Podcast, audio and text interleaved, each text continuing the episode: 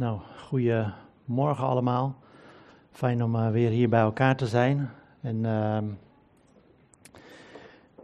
ik uh, wilde vanmorgen eigenlijk beginnen met een, uh, een, vraag naar jullie. Een vraag in het midden te leggen, waar, die ook aansluit op de preek.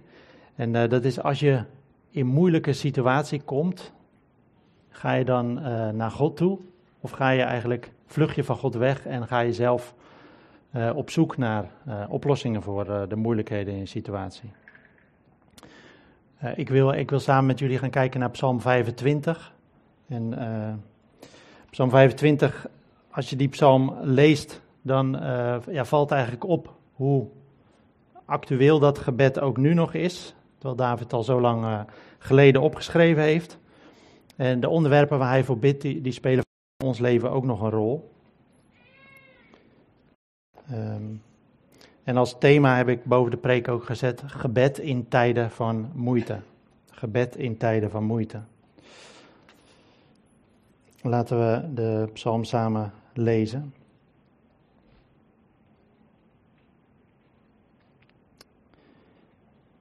Een psalm van David.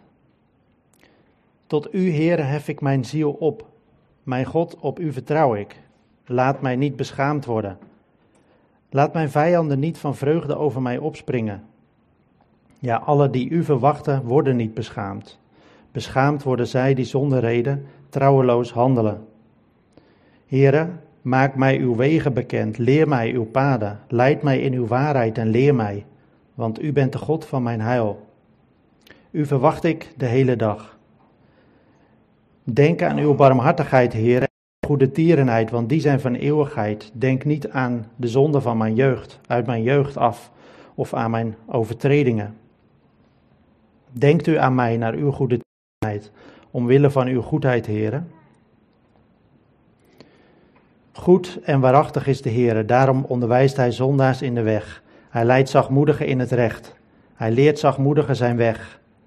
Alle paden van de Heere zijn goede tierenheid en trouw voor wie zijn verbond en zijn getuigenissen in acht nemen.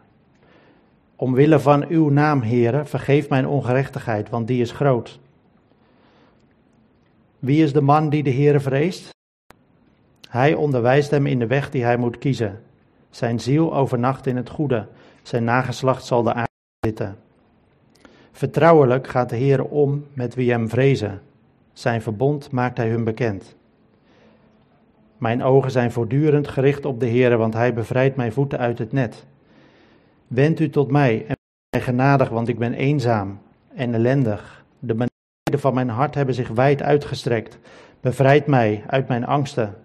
Zie mijn ellende en mijn moeite, neem weg zonde. Zie mijn vijanden, want ze worden talrijk. Ze haten mij met een dodelijke haat. Bewaar mij, laat mij niet beschaamd worden, want tot u heb ik de toevlucht genomen. Laat oprechtheid en vroomheid mij beschermen, want ik verwacht u. O God, verlos Israël uit al zijn benauwdheden. Nou, ik ben zelf uh, opgegroeid met uh, de psalmen en die heb ik als kind ook geleerd. En het gaat, deze psalm gaat dus ook best vaak nog door mijn hoofd. En ook juist eigenlijk wel in tijden als je het wat moeilijker hebt of als er problemen op je pad komen, dan komen die psalmen terug. En het leek mij mooi om uh, ook een keer samen met jullie ja, deze, door deze psalm heen te gaan. Uh, ik wilde eerst iets kort zeggen over het boek de, van de psalmen. ons, ons woord psalm komt via het Grieks, wat de vertaling is van het Hebreeuwse woord Teelim. En Teelim is onderdeel van de geschriften. Nou, die, je weet dat het Oude Testament, de Tenach, bestaat uit de wet en ehm, de profeten en de geschriften. En de psalmen is dan weer onderdeel van de geschriften. Uh, in het Nieuwe Testament kun je, dat, uh, kun je regelmatig zien dat er terugverwezen wordt naar, uh, naar de profeten, naar de geschriften en soms ook naar de psalmen. als, en als er verwezen wordt naar de geschriften, dus soms worden psalmen ook als geheel genomen voor de geschriften. Nou, het bijzondere aan deze psalm is dat, uh, dat David het eigenlijk op rijm gezet heeft. Als je het in het Hebreeuws zou lezen, zou eigenlijk elke volgende regel, elke volgende tekst weer met een nieuwe letter van het uh, Hebreeuwse alfabet beginnen. Het is een, een dichtvorm en waarschijnlijk ook bedoeld om, zodat je de, de tekst van de psalm beter kon onthouden. Um, en als je naar de Nadense Bijbelvertaling kijkt, dan zie je dat ze daar eigenlijk hebben, het opnieuw in Nederlands hebben proberen weer te geven om elke tekst een letter van het alfabet te geven. En dan krijg je een beetje een indruk van hoe dat in het Hebreeuws is. Nou, we hebben net de, de psalm lezen en als je begint in de psalm, dan uh, zie je direct dat het een gebed is. David komt in bij God. David spreekt God aan. Nou, als je de psalm doorleest, dan zie je eigenlijk dat er een gedeelte in staat van uh, vers 8 tot 15 waarin hij onderwijs geeft. Dus waarin hij het gebed eigenlijk stopt en degene die luisteren of degene die uh, dit lezen uh, aanspreekt en onderwijs geeft. En dan aan het einde van de psalm, dan gaat zijn gebed weer uh, verder. Het is wel goed om die structuur, denk ik, te herkennen in deze psalm. Um, ik begon met de vraag van als je in moeilijkheden bent, wat, ja, wat doe je dan? Hè? Waar ga je naartoe met die moeilijkheden? Nou, als we beginnen in Psalm 25, dan zien we dat David naar God toe gaat. En hij doet dat niet half. Hij houdt geen reserves, maar hij gaat met zijn hele hart naar God toe. Tot u, Heere, hef ik mijn ziel op. Mijn God, op u vertrouw ik. En dat opheffen van de ziel, dat uh, betekent dat je met je hele wezen, met je hele ziel, aandacht op, op God richt. Mooi als je je gebed zo kan beginnen. En uh, als je in het leven van David kijkt, dan zie je dat eigenlijk elke keer ook weer terug als hij in moeilijkheden komt dan uh, gaat hij niet zelf aan de slag. In de meeste gevallen, maar gaat hij uh, naar God toe. En je ziet dat heel mooi bij de geschiedenis van Ziklag, als Ziklag verwoest is. En de, nou, de Amalekieten die hebben de stad verwoest, die hebben de vrouwen en kinderen meegenomen. En de mannen met wie David op stap was geweest, die, die zien eigenlijk alles wat ze hadden dat het weg was. Ze weten niet eens of dat de vrouwen en kinderen nog leven en ze willen David stenigen. En David zit daar natuurlijk in een enorm moeilijke situatie. En dan staat er, David echter sterkte zich Heere zijn God. Nou, dat sterk is misschien wat lastig woord. Hè? Wat betekent dat? Als je in het Engels leest, dan staat er eigenlijk, um, David bemoedigde zichzelf. Dat vond ik wel opvallend. En eigenlijk is dat ook wat, wat we in deze psalm lezen. David spreekt dat tot andere mensen, maar hij spreekt het ook tot zichzelf. Dus je zou eigenlijk in deze psalm een voorbeeld kunnen zien van het gebed wat David uitsprak uh, toen, ja, toen hij in die moeilijke situatie zat. Hij uh, vluchtte naar God en vertrouwde op de kracht en de barmhartigheid van God.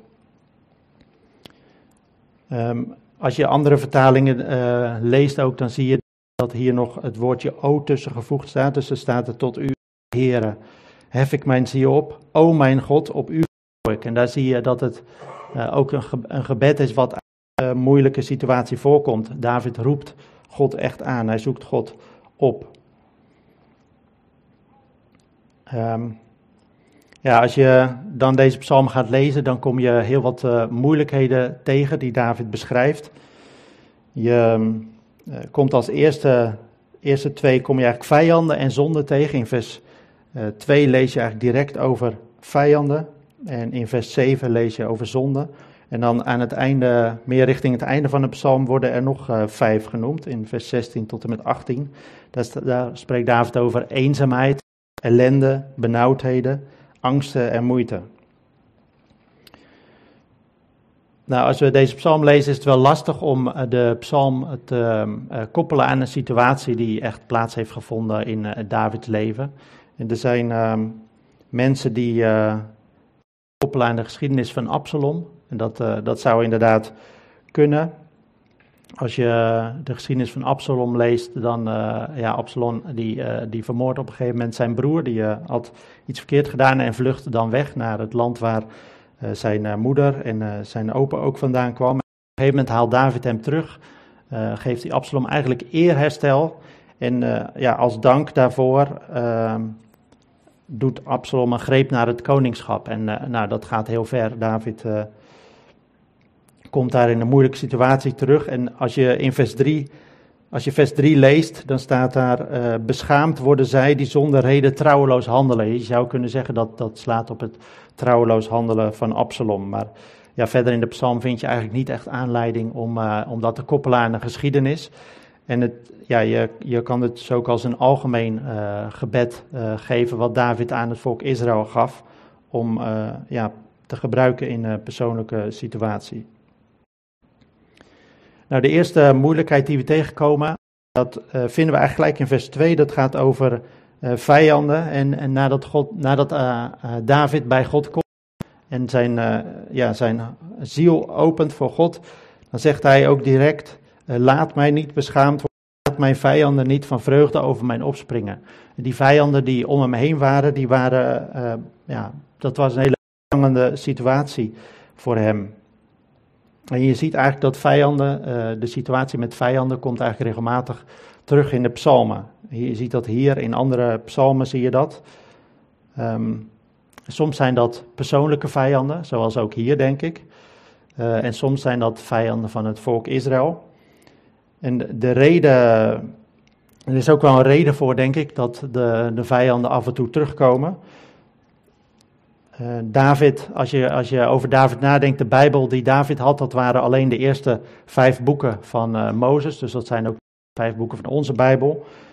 En um, ja, dat was degene waar hij Gods wil uit leerde kennen. En uh, dus er staan zeg maar in die woorden van het verbond ook dat de koning een kopie moest hebben van die woorden van het verbond. Dus we kunnen er ook van uitgaan dat David op de hoogte was van die woorden. en we vinden eigenlijk in de woorden van het verbond ook een aantal keer die vijanden beschreven en uh, de gedeeltes over zegen en vloek. Bijvoorbeeld in 26 vinden we dat terug. Uh, er staat van als u in mijn verordeningen, verordeningen wandelt en mijn geboden in acht neemt en ze houdt, dan zult u uw vijanden achtervolgen en zij zullen door het zwaard voor u neervallen. Vijf van u zullen er honderd vervolgen en honderd van u zullen er tienduizend achtervolgen. Uw vijanden zullen door, door het zwaard voor u neervallen. Nou, datzelfde zie je eigenlijk ook in uh, Deuteronomium 28.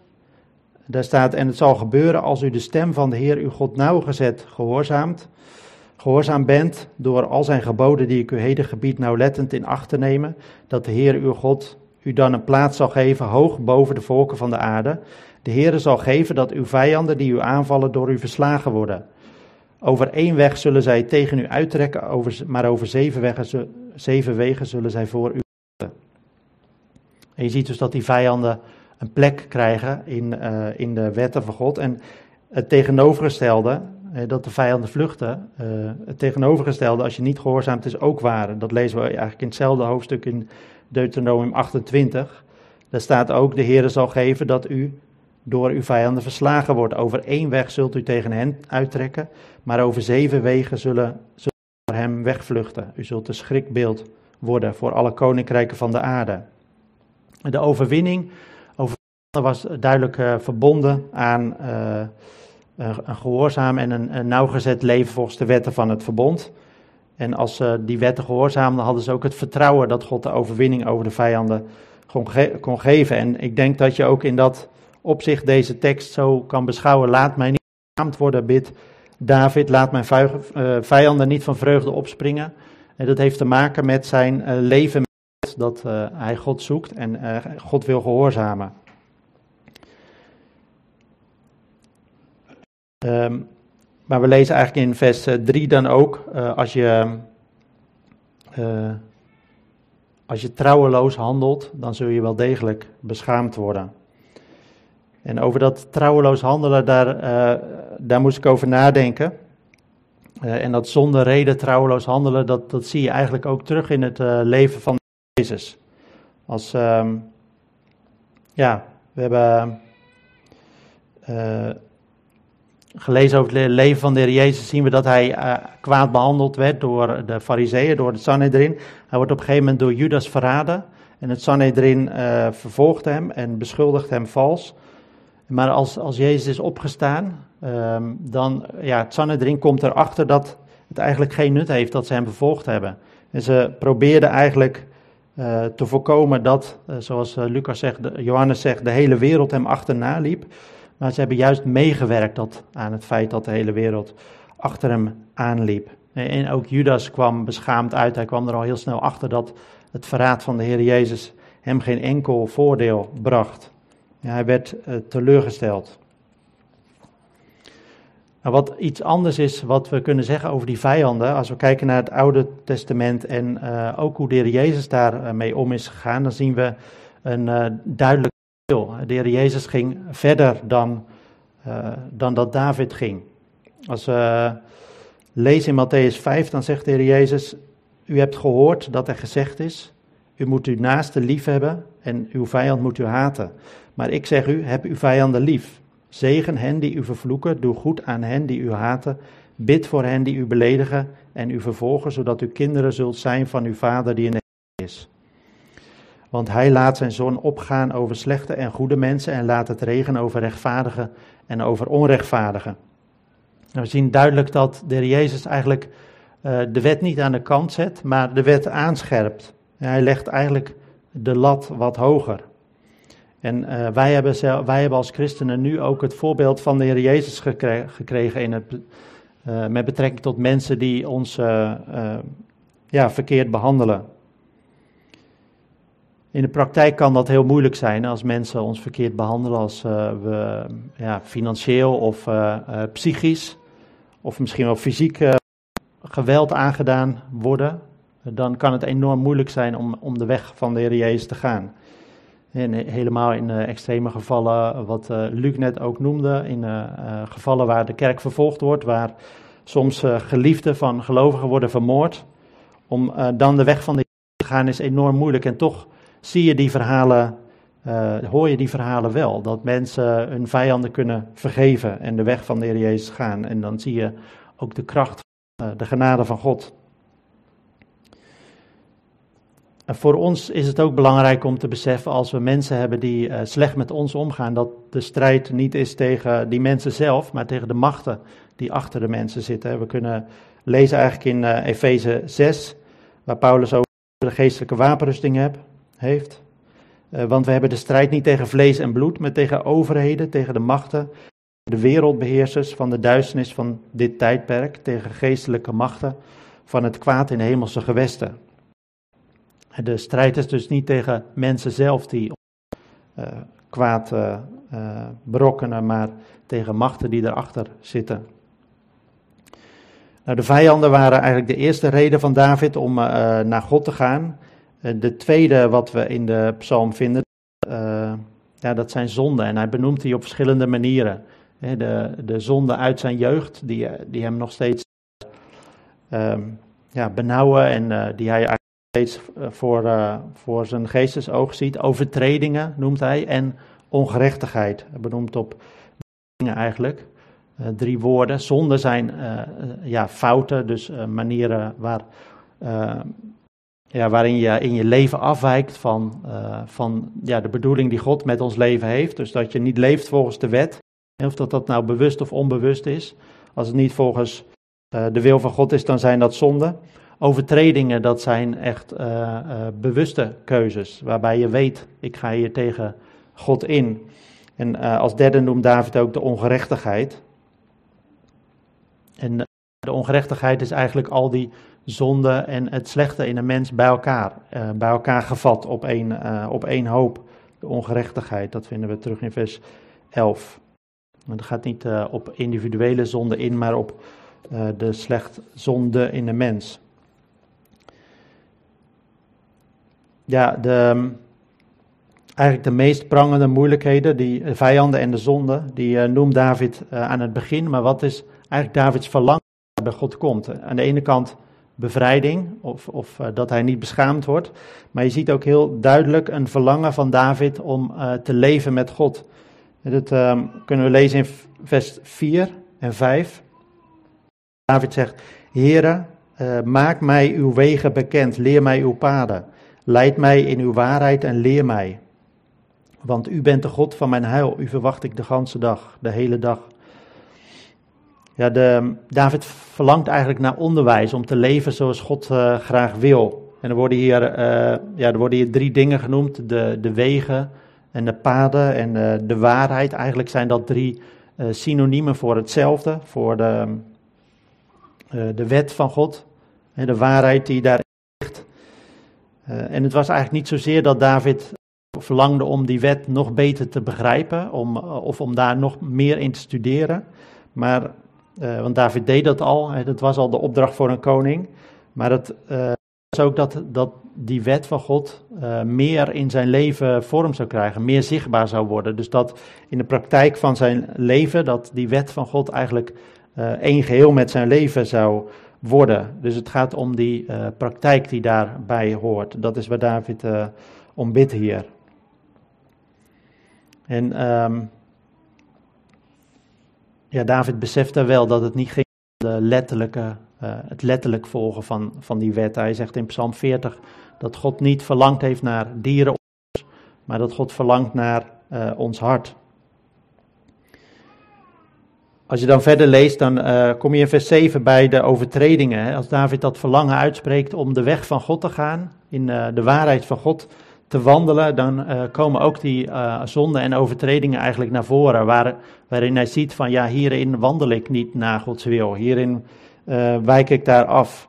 En David is daar eerlijk met zichzelf. En dat is denk ik ook iets wat we kunnen leren uit deze psalm. En zonde van vroeger, die, hij vergoeilijkt ze niet. Um, hij verbergt ze niet. Hij speelt geen verstoppertje met zichzelf. En met David ziet zijn zonde onder ogen. Um, en hij, hij eigenlijk alleen op de barmhartigheid van God. En dat lezen we in vers 6. Denk aan uw barmhartigheid, heren, en uw goede tierenheid, want die zijn van eeuwigheid. Denk niet aan de zonde van vrucht of aan mijn overtredingen. Hij beroept zich op de barmhartigheid God en niet uh, op het. Uh, ja, hij maakt zijn zonde niet kleiner. David is uh, eerlijk met zichzelf. De barmhartigheid van God. Sommige mensen zeggen het Testament komt die barmhartigheid van God niet zo duidelijk naar voren. Maar David weet, weet wel degelijk eh, van Gods barmhartigheid en goedheid en goede tierenheid. En dat, dat is ook onderdeel van de wet. En, uh, als je Exodus 34 leest, dat is voor veel mensen misschien wel bekend. Daar spreekt God de naam uit voor Mozes. En daar lezen we Heere, Heere, God, barmhartig en genadig, geduldig en rijk en goede tierenheid en trouw die goede tierenheid blijft bewijzen aan duizenden, die ongerechtigheid en overtreding en zonde vergeeft, maar die de schuldige zeker niet voor onschuldig houdt. Nou, deze uh, openbaring van God aan Mozes, dat gebeurde ook nog eens uh, vlak na de zonde met het gouden kalf. En ik denk dat dat uh, voor David en alle gelovigen in het Oude Testament een, een extra reden was. Dat zonde geen belemmering hoefde te zijn om bij God te komen. En het is juist zo uh, barmhartig openbaart, zelfs als het volk gezondigd heeft. Ja, je, je zou kunnen denken als je dit gebed leest, misschien wat uh, oppervlakkig, dat, dat David zijn best moet doen om God over te halen, om barmhartig te zijn, om goede tieren te zijn. Maar ik denk niet dat dat, uh, dat, dat, ja, dat, dat is zoals David het bidt en ook niet, zeker niet zoals God het ziet. Hè. Als je die tekst en die openbaring van God uit Exodus 30 serieus neemt en leest, dan staat er dat God goede tierenheid blijft bewijzen aan duizenden en ongerechtigheid en overtreding vergeeft. Het is een kenmerk van God om goede tierenheid te bewijzen en om zonde te vergeven. God doet dat ook van harte. Het is niet zo dat wij God moeten smeken of God moeten bewegen om te vergeven. Eh, maar het gaat er wel om dat we eerlijk zijn. Eerlijk zijn naar onszelf en ook eerlijk naar God. Dat we de zonden die er zijn, dat we die eerlijk uh, benoemen en beleiden. En dat is ook wat uh, David hier doet. Het is, eigenlijk, het is eigenlijk vergelijkbaar met de, het, de gelijkenis die de heer Jezus vertelt over de fariseer en de, de tollenaar. De tollenaar bleef op afstand staan en sloeg zich op zijn borst. En hij zei, o God, wees mij zondaar genadig. En dan staat erachter, deze man ging gerechtvaardigd naar zijn huis. Hij werd vergeven. Um, dat, is, uh, ja, dat is wat, wat uh, David, God met deze psalm voor ogen heeft. David benoemt dat ook hier in vers 8. Um, waarin hij eigenlijk van het gebed verder gaat met onderwijs. En zegt: Goed en waarachtig is de Heer, daarom wijst hij, onderwijst hij zondaars in de weg. Dus juist omdat de Heer goed en waarachtig is, heeft hij ook het verlangen dat zondaars de, de juiste weg leren kennen. En dat is ook voor ons allemaal, ook als we zonde zien in ons leven. Dat hoeft geen reden zijn om bij God weg te blijven. We mogen, uh, ook als we zonde hebben die, uh, ja, die ons steeds voor ogen staat, mogen we juist naar God toe gaan. Want God wil ons de weg wijzen hoe we uh, daarmee om moeten gaan. In vers 9 dan gaat het onderwijs eigenlijk verder, waarin David zegt, hij leidt zachtmoedigen in het recht. Hij leert zachtmoedigen zijn weg. Nou, zachtmoedig is een wat moeilijk woord. Je kan daar uh, allerlei ideeën bij hebben, maar ik denk dat, uh, dat de tollenaar die naar de tempel kwam ook zachtmoedig was. Ik denk dat zachtmoedig in deze, in deze zin eigenlijk een ander woord is voor nederigheid en niet, niet groot van, je, van jezelf denken. En dus dus eigenlijk tegenovergestelde van wat die fariseeën was. Die fariseeën was bepaald niet zachtmoedig, want hij was trots op, ja, op alles wat hij deed en dat wat hij deed voor God. En die, die erkende zijn zonde ook niet. Hij beleed ze niet, alhoewel ze ongetwijfeld ook in zijn leven geweest waren. En naast eigenlijk dat uh, het onderwijs wat God wil geven aan zondaars en aan zachtmoedigen, noemt uh, David nog een derde uh, eigenschap van iemand die God wil onderwijzen. En dat vinden we in vers 12. Wie is de man die de Heere vreest? Uh, hij, God, onderwijst hem in de weg die hij moet kiezen. Nou, God vrezen, dat is een, ja, wel een algemene term voor, uh, die voor uh, in het Oude Testament wordt gebruikt. Ik zou zeggen van God vrezen, dat, dat betekent ja, als het ware God serieus nemen. Dus niet alleen de beloften die hij geeft, maar ook de oordelen die hij uitspreekt serieus nemen. Dus voor de kracht die uh, God heeft. Maar je zou vrezen eigenlijk ook als een synoniem kunnen opvatten van geloof. Als, uh, als Abraham uh, zijn zoon Isaac moet offeren en dan op het punt staat om die te offeren, dan de stem van de engel uit de hemel. En dan zegt die engel, steek uw hand niet uit naar de jongen en doe hem niets, want nu weet ik dat u Godvrezend bent. En uw zoon, uw enige, mij niet hebt onthouden. Dus het ontzag hebben voor God, uh, ja, dat, dat is eigenlijk met het geloof, het geloof hebben aan Gods woord, het doen wat Gods wil, uh, het doen wat God wil. En het blijkt dus niet alleen uit je woorden, maar vooral ook uit je daden, zoals we zien bij Abraham. Dus al die zegeningen die, die David hier dat onderwijs en het leren, de paden en ja, hij noemt in vers 13 tot 15 nog andere zegeningen. Die zijn gekoppeld aan het uh, vrezen van God, aan het ontzag hebben voor God, of het geloof in God. En wat we bij die zegeningen ook zien, uh, zijn eigenlijk typische verbondsbeloften. We kunnen dat lezen in vers 13.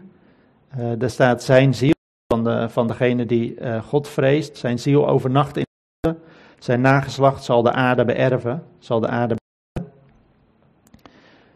Um, dat zijn typische beloften die uh, ja, golden voor de gelovige Israëlieten. Die, um, uh, waarin God beloofd had in het verbond dat de, het land zou zijn voor degene die uh, hem vreesden. Dus die gehoorzaam voor hem, met hem leefden. Die zouden uiteindelijk het land in bezit nemen. Um, en datzelfde vers 14 waarin staat dat God zijn verbond bekend maakt aan degene die hem vrezen. Maar wat ook genoemd wordt hier als zegen van uh, de man die de Heer vreest, dat is, uh, kunnen we lezen in vers 14. En uh, dat raakte mij wel. Er staat vertrouwelijk gaat de Heer om met wie hem vrezen. Vertrouwelijk.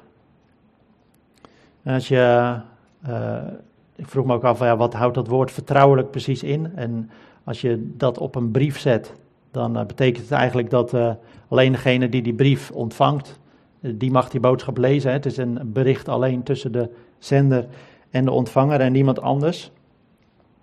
Uh, het, eigenlijk heeft het woord vertrouwelijk iets in zich van vriendschappelijk en ehm, intiem ook wel. Een, een, echte vriendschapsrelatie. Je, we, we konden in het leven van Abraham zien dat, dat God zo met hem omging. In Genesis 18 lezen we dat, dat de Heere zegt, zal ik voor Abraham verbergen wat ik ga doen. En dat is eigenlijk hoe goede vrienden met elkaar omgaan. dat je elkaar je plannen laat weten. Zelf vond ik, raakt het mij enorm dat, uh, dat, ja, dat God zo vertrouwelijk omgaat met, uh, met mensen. En God is geen uh, abstracte God op, op afstand, maar God wil echt vertrouwelijk met ons omgaan, een persoonlijke relatie hebben. En dat was uh, in het oude verbond al zo. David wist dat al en Abraham. Uh, en in het nieuwe verbond, nieuwe verbond mogen we weten dat dat, dat uh, nog verder gaat. En wij mogen weten dat we door de geest God Abba Vader mogen noemen. Nou, dan na dat onderwijs wat David heeft gegeven in zijn psalm, gaat hij eigenlijk verder met zijn gebed. En die, dat gevoel van de moeilijkheden, die, uh, dat is er nog steeds. Dat onderwijs dat, uh, wat hij gegeven heeft, dat doet dat gevoel van de moeilijkheden die er omheen zijn, doet dat niet uh, teniet. En ik denk ook dat het voor ons een les is om, om te leren van David dat we de moeilijkheden in ons leven en het gevoel wat dat oproept bij ons, dat we dat benoemen in het gebed met God. Dat we dat openmaken naar God toe. De gevoelens die je ergens bij hebt, de angst, de moeite die je hebt, dat zijn eigenlijk uh, uh, spiegels van hoe het in je ziel uh, eraan toe gaat. Hoe je met je hart eigenlijk tegen de situatie aankijkt. En het is heel goed om daarmee naar God te gaan. Um, nou, de moeite, ik heb er al een aantal genoemd. hij noemt ze in deze, in deze vijf versen, vanaf vers 16 ook. eenzaamheid, ellende, benauwdheden, angsten en moeite. Er zit eigenlijk een soort uh, opbouw in. En ik denk ook dat ze allemaal uit één uh, bron, één oorzaak voortkomen. Dat, dat zullen we zo gaan zien.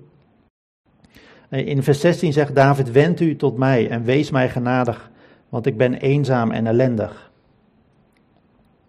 Nou, het eerste wat David noemt is zijn gevoel aan eenzaamheid. Hij was, of hij was in een situatie waarin hij daadwerkelijk verlaten was. Maar normaal gesproken had hij uh, altijd een hele hofhouding om zich heen. En veel mensen die uh, uh, bezig waren in hofhouding. Dus ja, het was geen mensen om hem heen. Maar ik denk dat, het, dat David bedoelde een gebrek aan zielsverwanten. En dus echte vriendschappen. En mensen zoals Jonathan, waar David mee omging, waar hij zijn hart mee kon delen. En dat is ook een les voor ons dat we ja, dat waarderen als we mensen hebben waarbij we ons hart kunnen delen, waarbij we samen kunnen optrekken in het geloof. Uh, dat, dat we dat enorm uh, waarderen. Je leest dat eigenlijk in de apostolische geloofbelijdenis denk ik terug. De gemeenschap der heiligen, dat je samen God zoekt en uh, daarin ja, volhardt dat dat een stukje gemeenschap is. Ik denk dat dat één ding is wat David hier miste. Um, maar hij miste natuurlijk ook uh, Gods nabijheid. Daarom gaat hij in gebed naar God toe. De vertrouwelijke omgang waar David eigenlijk net in zijn onderwijs ook uh, over gehad, had, gehad heeft, daar, um, daar verlangt hij zelf ook weer opnieuw naar. Ja, het, begrip eenzaamheid is uh, het laatste half jaar best wel relevant geworden, denk ik. Zeker voor, uh, oudere mensen of mensen die uh, alleen leven of die niet veel anderen om zich heen hebben. En ik denk dat, dat, uh, ja, dat wij daar ook iets in kunnen betekenen. Dat wij uh, kunnen zijn voor mensen om ons heen. En dat het goed is om ja, elkaar in de gaten te houden.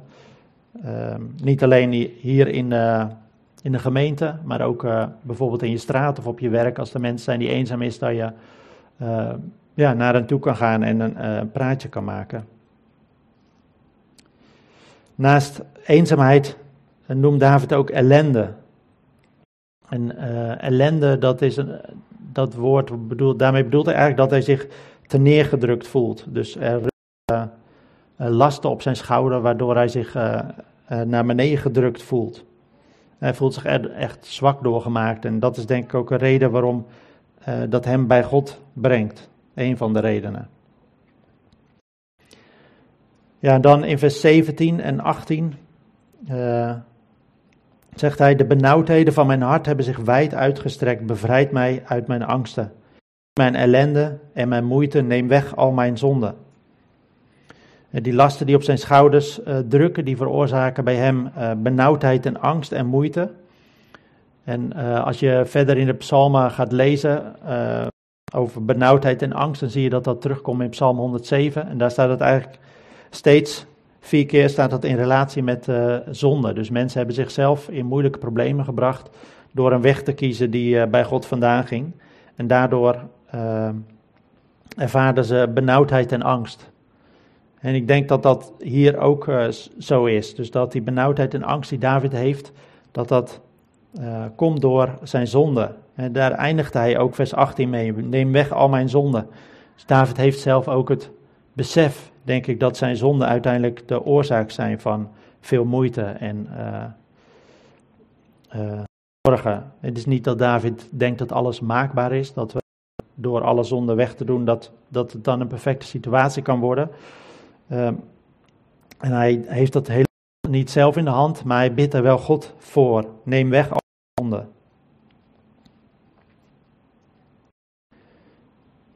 En ik denk dat we, ja, eh, net als David, een beroep mogen doen uh, op de waarheid van God. Voor wat betreft onze zonde. En uh, zeker ook met de moeilijkheden, de moeite die wij hebben, naar God mogen gaan in gebed. Maar ik denk ook dat er eh, een belangrijk verschil is tussen ons en David. Wij mogen als gelovigen weten dat we in Christus zijn. En die kennis had David niet. In Christus mogen we weten dat we vergeving en verlossing hebben. Door het kruis van, uh, van Golgotha. Christus is gestorven, hij is opgestaan en wij zijn, wij zijn met hem gestorven en met hem opgestaan. En die waarheid die is die is pas geopenbaard toen Christus inderdaad gestorven was. En dat is denk ik iets wat we goed moeten beseffen bij het lezen van uh, Psalm, maar ook andere gedeeltes in het Oude Testament. Um, dat, dat betekent niet dat uh, ja, niet net zoals David, zeg maar, met al die moeite en die zorgen naar God moeten gaan en ook moeten blijven gaan. Maar ik denk dat we wel mogen weten dat we, en, steeds meer mogen leren ontdekken wat het betekent dat we de positie in Christus hebben gekregen. Over, dit, over dat naar God gaan met uh, moeite en zorgen, lezen we bij Paulus natuurlijk weer opnieuw als hij uh, de Filippenzen aanspreekt in Filippenzen 4. Wees in geen ding bezorgd, maar laat uw verlangens in alle door bidden en smeken met dankzegging bekend worden bij God. En de vrede van God die alle begrip te boven gaat, zal uw harten en uw gedachten bewaken in Christus Jezus. En we mogen die vrede van God uh, hebben, ontvangen, bij God hebben, maar ook zelf ervaren. En dat gaat wel via de weg van uh, gebed. Uh, het ervaren van die vrede. Nou, David eindigt zijn gebed met een ja, gebed voor God dat over zijn vijanden. Nou, over die vijanden hebben we het gehad ook. En dan bidt hij ook: bewaar mijn ziel en red mij, laat mij niet beschaamd worden. Want tot u heb ik de toevlucht genomen. Laat oprechtheid en vroomheid mij beschermen, want ik verwacht u. En David verlangt ernaar dat zijn leven uh, in lijn is met God. En dat, met die gebeden was hij ook begonnen. En dat zijn gebed, of dat zijn leven oprecht mag zijn en vroom. Want hij weet als zijn leven zo is, dan, beschermt, uh, dan beschermen die voor moeilijkheden en voor zorgen. Nou, deze psalm eigenlijk is best wel gericht op de individu, op één persoon, op je persoonlijke relatie met God. En, er volgt nog één gebed na en dat, dat gebed staat eigenlijk een beetje los van de psalm. Het heeft ook geen letter van het alfabet. En zelf dacht ik toen ik de psalm las, uh, dat David dat zelf eigenlijk los van dit gebed wat hij aan, aan het volk wil leren, uh, gebeden heeft. Zo van als Israël volgens dit gebed en volgens deze psalm 25 ook zal leven, dan zullen ze verlost worden. En David laat ook iets zien van zijn verlangen dat uh, heel het volk, heel Israël, zou leven ehm, ja, volgens het onderwijs wat hij in deze psalm ook gegeven heeft. En het laat iets zien ook van het verlangen wat David heeft voor het volk. En ik denk dat dat nu nog relevant is. Als we bedenken naar, over hoeveel heiligen in de Bijbel datzelfde verlangen hebben gehad. Mozes, en ook Paulus en de Heer Jezus zelf het verlangen dat het hele volk God zou volgen in gehoorzaamheid. En als je af zou vragen van hoe zouden zij nu tegen de situatie met de Joden aankijken, dan denk ik dat, dat hun gebed nog intenser zou zijn. En wat zou je hun toewensen dat ze ook die vertrouwelijke omgang, die persoonlijke relatie met God zouden leren kennen hè, de Heer Jezus Christus. ja, naast het gebed voor Israël denk ik dat je dit gebed misschien ook wel mag uh, vertalen naar ons. Wij leven als gelovigen in een gemeente die wereldwijd is, um, waarin sommige mensen ook vervolgen. Wij kunnen soms niet altijd herkennen wat David zegt over vijanden. Sommigen misschien wel, maar er zijn ook, ook velen denk ik die dat niet herkennen. maar er zijn mensen in Afrika en India die dat heel sterk herkennen, die aangevallen worden, die benadeeld worden, in moeilijke situaties worden gebracht, die, waar hun leven eigenlijk um, enorm beïnvloed wordt door mensen om hen heen. En voor hen is het juist relevant dat gebed van David, denk ik ook, ons gebed nu. En niet dat zij altijd vragen om bevrijd te worden uit de situatie, maar wel dat wij naast hen gaan staan voor zover we dat kunnen en ja, hen ook bemoedigen en voor hen bidden. Ja, door deze psalm denk ik dat we een inkijk krijgen in het leven van David en ook het uh, leven als gelovig in het Oude Testament, hoe, hoe de persoonlijke relatie met God was. Dat is bijzonder, daar kunnen we veel van leren en tegelijk denk ik dat we nog meer kunnen uh, beseffen wat het betekent dat we in Christus mogen zijn, dat we wat die rijkdom is. De gelovigen uit het Oude Testament wisten dat niet. Die zagen dat, zoals de Hebreeën zegt, als het ware van ver. Maar wij mogen daarin staan. En ik denk dat het ook belangrijk is dat we uh, dat voorrecht leren begrijpen en daaruit te leven, te leven zoals uh, staat in Efeze 1, vers 3. Uh, waar Paulus dat ook bidt, gezegend zij de God en Vader van onze Heer Jezus Christus, die ons gezegend heeft met alle geestelijke zegening in de hemelse gewesten in Christus.